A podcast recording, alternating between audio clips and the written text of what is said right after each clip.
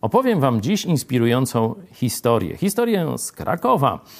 E, tam Agnieszka e, bardzo już czekała na przyjazd pastora Pawła Machały z akcją Support Pastor Chojecki, e, dotyczącą właśnie mojego procesu za to, co mówię, krytykując Kościół rzymski i partię rządzącą i jej notabli. To się bardzo nie podoba, jak rozumiecie, zarówno Kościołowi katolickiemu, jak i pisowskiej nomenklaturze.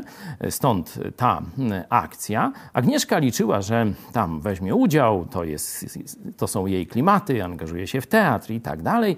Także takie uliczne różne happeningi e, to jej żywioł. Ale okazało się, no jak zwykle, mama dzieci, dziecko chore została uziemiona w domu. No, myślała, że no szkoda, nie da się, nic nie da się zrobić. Y, myślała, że spotka może znajomych, że dotrze do kogoś nowego z Ewangelią, a tu słabiuśko musi zostać w domu.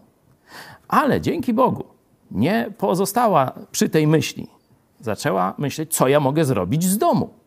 I wtedy właśnie znalazła czas, żeby powiadomić media e, krakowskie o tej akcji. Wysłała przez różne swoje kontakty, wysłała maile, no i zobaczcie, sukces. Dwie krakowskie gazety, Gazeta Krakowska, Dziennik Polski napisały i dały fotorelacje o tej akcji. Jaki stąd morał, jaki wniosek dla nas? Myślimy, że nie możemy czegoś zrobić. Myślimy, że Bóg nam coś odebrał, zabrał jakieś możliwości. Ale zapytajmy, Boże, a to jakie teraz mam możliwości?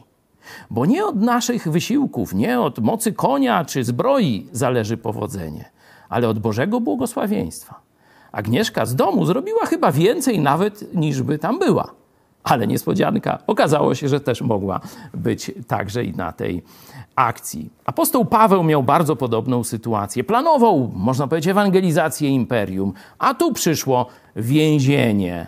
I w liście do Filipian mówi, ale wyszło to na dobre, bo dzięki temu cała elita Rzymu, całe pretorium usłyszało Ewangelię. Dlatego nie myśl o ograniczeniach, myśl o możliwościach i czekaj na Boże błogosławieństwo.